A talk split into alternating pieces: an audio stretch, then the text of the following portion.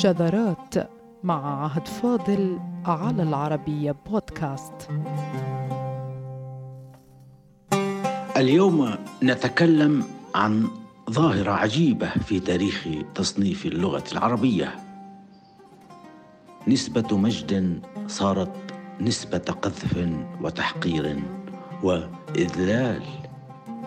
فالقارئ المعاصر أو القارئ الجديد ابن هذا الزمان الذي نحيا فيه وهو يقلب في مصنفات قديمة يعثر على تعبير الساسانية أو بني ساسان. ثم يأتي التعريف للأخيرة بأنهم الشحاذون وأهل التسول. فكيف ارتبط اسم مجد إمبراطوري قديم بالتسول في المصنفات العربية.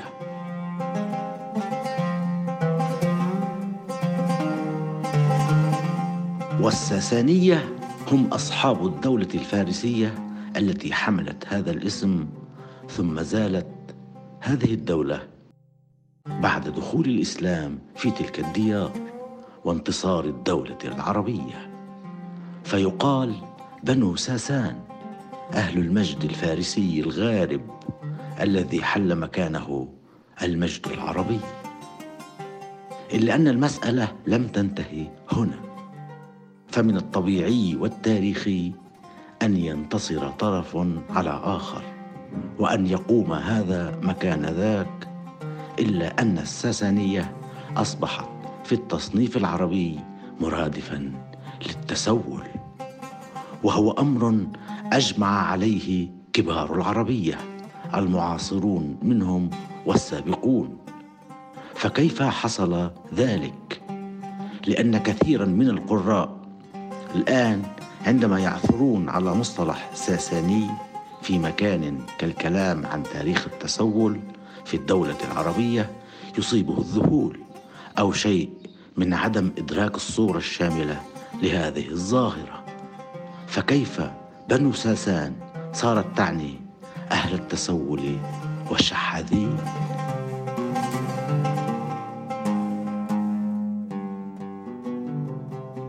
ويرى محققون معاصرون بأن ربط التسول بالساسانيين راجع إلى أصل أسطوري لا حقيقة له على أرض الواقع. لكننا لا نزال نقرأ أن ساسان هو رئيس الشحاذين أو هو رأس الشحاذين وكبيرهم. وبهذا تمت تلك الصفة ولازمت ذلك الاسم. روايات تاريخية على لسان إخباريين عرب ومسلمين قالت بساسان بن بهمن سعى للملك بعد أبيه إلا أن الأخير ورث لابن ابنته وتدعى شهرزاد أو تلقب بذلك الاسم وأن ساسان عندما عرف بهذا الأمر تزهد وسكن الجبال ثم رعى الغنم فصارت الناس تنسب ساسان إلى الرعي.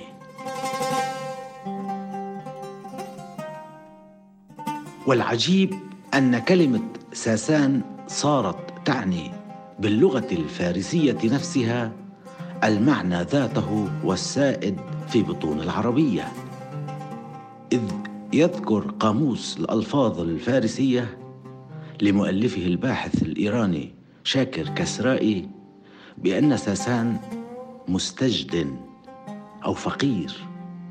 ثم يضيف وساسان هي أكبر أسرة حكمت إيران باسم الساسانيين وما ورد في قاموس اللغة الفارسية لكسرائي يدعم ما قاله المصنفون العرب القدامى دعما لا شك فيه بارتباط هذا الاسم بفئة المتسولين أو الشحاذين في تاريخ المصنفات العربية.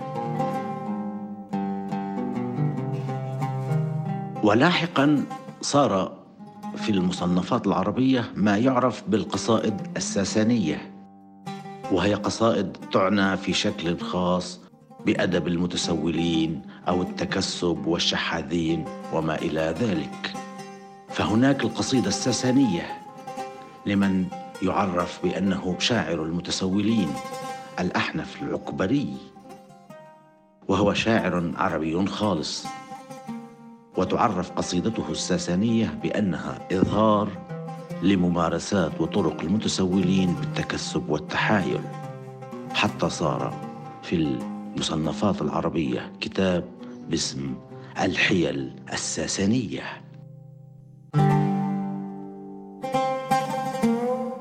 يقول العكبري الذي أشير إلى كونه واحدا من تلك الجماعة فيصفه الثعالبي في اليتيمة بالنقل إنه فرد من الساسانيين اليوم بمدينة السلام أي بغداد يقول شاعر هذه الطائفة من الناس يقول الأحنف البائس قد حصرت في جلدي فلولا خشية الناس ومطل النقد بالوعد لما تبت من الشحذ من المهد إلى اللحد.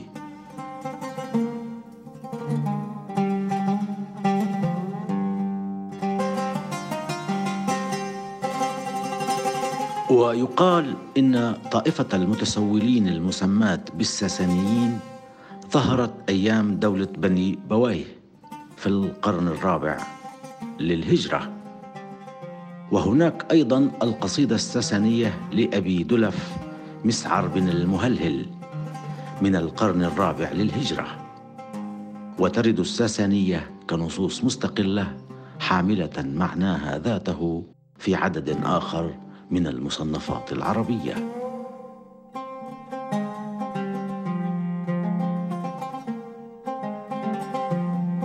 ومما قاله أبو دلف في قصيدته الساسانية ونشرها الثعالبي في اليتيمة فنحن الميزقانيون لا ندفع عن كبر والميزقانيون طائفة تتكسب بالحيل والتسول. ويقول أيضا ومنا الكاغ والكاغة والشيشق في النحر. والكاغ والكاغة التصور بالتجانن وغياب العقل.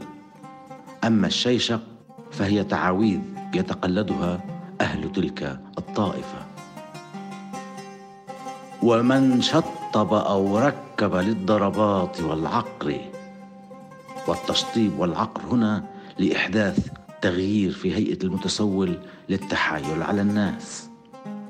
وتمضي القصيدة إلى آخرها وتصنف جميع أشكال وطرق وحيل تلك الطائفة من الناس.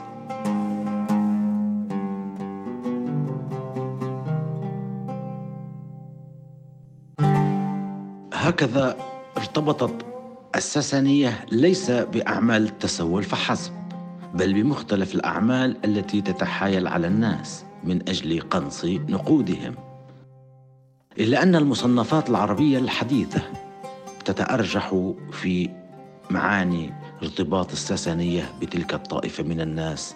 القائم عملها على التكسب تسولا مع أن القاموس الفارسي الجديد أكد على أن ساسان تعني الاستجداء وتعني الفقير وتعني العائلة الكبيرة التي حكمت فارس قبل الإسلام الذي أزال حكمها وإمبراطوريتها على أيدي العرب والمسلمين.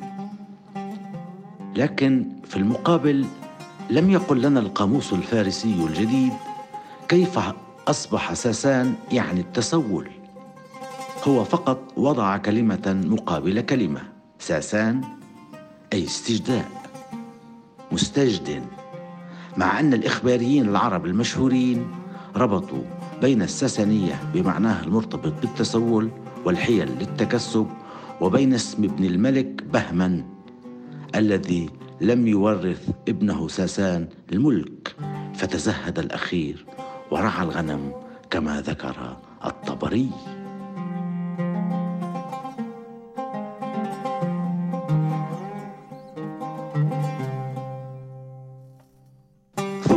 نصل إلى عصرنا الحديث. فيوافينا قلم من عيار المجدد الكبير محمد عبده في تحقيقه وشرحه لمقامات بديع الزمان وعندما يصل إلى الساسانية وبني ساسان يوضح ما كان غامضا أو غير متفق عليه ويقول ومن كتابه نقرأ وبالحرف الواحد.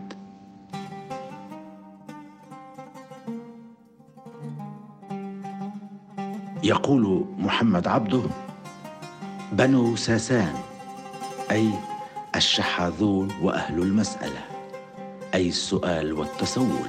ويضيف وساسان يقولون إنه كان رجلا فقيرا حاذقا في الاستعطاء دقيق الحيلة في الاستجداء فنسب إليه المكدون. إلا أن للإمام المجدد رايا خاصا في حقيقة هذا الاسم. وكيف انتسب إليه كل أصحاب الحيل والاستجداء؟ فيقول وعندي أن الساسانية وبني ساسان وما شاكل ذلك من الألفاظ المشيرة بالتحقير لساسان وأنه جد السفلة أو شيخهم فإنما جاءت بعد زوال الدولة الساسانية. من الفرس.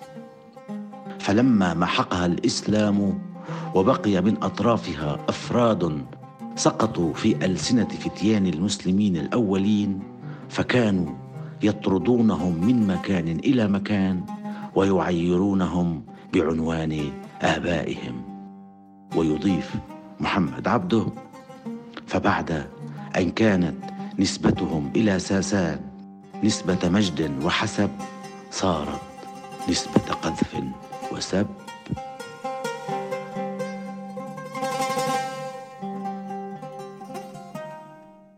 ويشرح العلامة المجدد السياق التاريخي والسياسي لارتباط المصطلح بمعناه في التسول فيقول وكان في إشهار هذا الاسم غاية سياسية وهي أن لا يبقى لدولة الساسانية ذكر في لسان ولا أثر في جنان ينبئ عن سلطانها أو رفعة شأنها. ويضيف ثم نسي ذلك بمرور الأيام وبقي اللفظ مستعملا في الشحاذين ويصفهم بأدنى طبقة في الناس.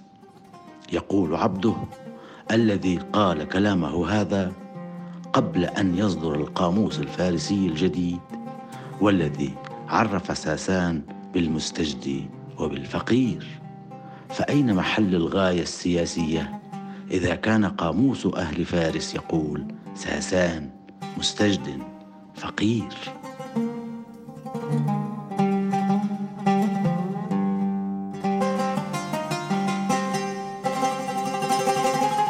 هذه هي قصة ارتباط اسم أسرة حكمت فارس. صار لاحقا اسم طبقة من الناس تتكسب بالألاعيب والتحايل وتطمس النقود بالتسول. ومنها تقول المقامة الساسانية لبديع الزمان الهمذاني أريد منك رغيفا يعلو خوانا نظيفا أريد ملحا جريشا أريد بقلا قطيفا أريد منك قميصا وجبة ونصيفا أريد نعلا كثيفا بها أزور الكنيفة. يا حبذا أنا ضيفا لكم وأنتم مضيفا.